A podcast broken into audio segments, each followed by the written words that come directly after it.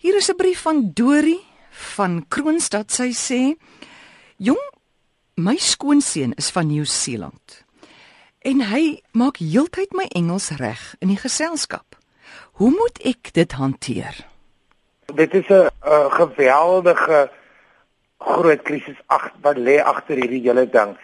Daar is 'n 'n wêreldverskynsel oor mense wat grammar korrek in publiek en in geselskap. Jy is nie veronderstel om dit te doen nie. Jy is nie veronderstel om enige mens te korrigeer in die publiek of in geselskap nie, maar wel in privaatheid. Daar is iewers 'n onderliggende woede en grammar bullies is amper soos 'n klub. Die, die issue gaan meer oor homself en oor die afskou in die teenwoordigheid van ander mense as regtig oor die skoonma of die een wat se taal is. Dit is soos emosioneel eet.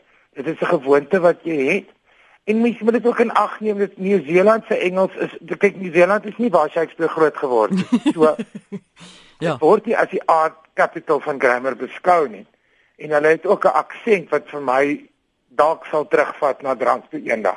Maar daar is 'n manier om om net so patronizing terug te sê, thank you sweetie, I know, en aan te gaan met jou lewe. Of 'n grappie te maak en sê ek gaan nou 'n woordeboek koop of iets nie. Dit raak irriterend en later moet jy dit net ignoreer, maar moet om geen omstandighede mm. selfbewus raak, minder praat of enige iets om die knaap stil te maak of iets nie. Die die regte manier is as dit 'n geweldige probleem is, praat jy met jou dogter daaroor. Jy is haar ma en obviously sien jy die skoonseun wanneer hulle by jou kuier of jy by hulle. So jy sal dit met jou dogter aanvaar en sê kan jy net vir haar simpel dank sê dat dit van my af moet bly. Ek praat soos ek praat. En dit sê ek graag 'n kursus wil doen, is dit te laat in my lewe. Ek probeer my bes hierso. Mm. Dit gaan nie oor die Engels nie. Anders sal jy in Nieu-Seelander moet aanspreek oor sy klere drag, sy plakkies, sy kort broek, sy alles.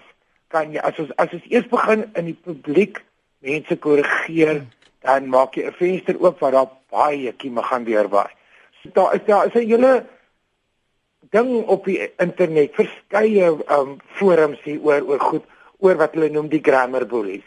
Maar dit gaan altyd oor 'n interne woede, oor 'n afskou, die behoefte aan 'n mede grammar bully om te ontmoet want hulle sal sommer 'n klub begin. Mm. En so, moet jou glad nie daarin steen nie. Vlee in die bure se kombuis het 'n groter impak op die aarde.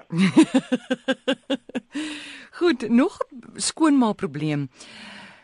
Ek wil weet, wat maak jy as jou skoonma uit haar pad gaan vir die suurste, onbeskofste, lui skoondogter, maar behandel jou stief wat so alles probeer om vir haar alles te doen en te respekteer?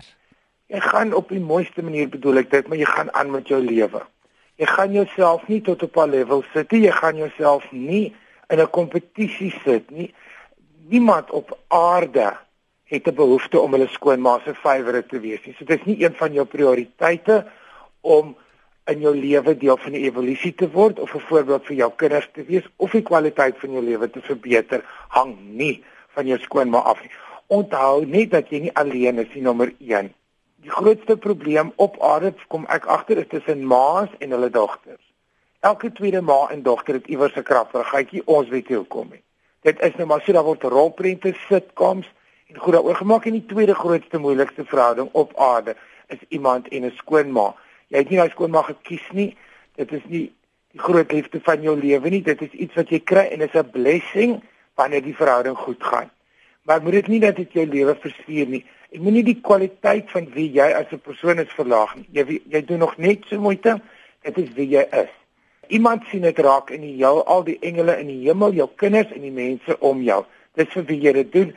As jy dit later sien, dit maak nie 'n verskil aan daai persoon nie. Ek gaan nie ophou om vir mense of my vriendinne goed te behandel of mooi geskenke te vat omdat hulle met 'n slaap getroud is wat niks waardeer of minder moeite doen as hulle kom kuier of eet nie. Ek doen dit vir die wat dit wel nou tussen ons. Maar moet asseblief nie 'n sekonde in jou lewe verloor oor sulke nonsens.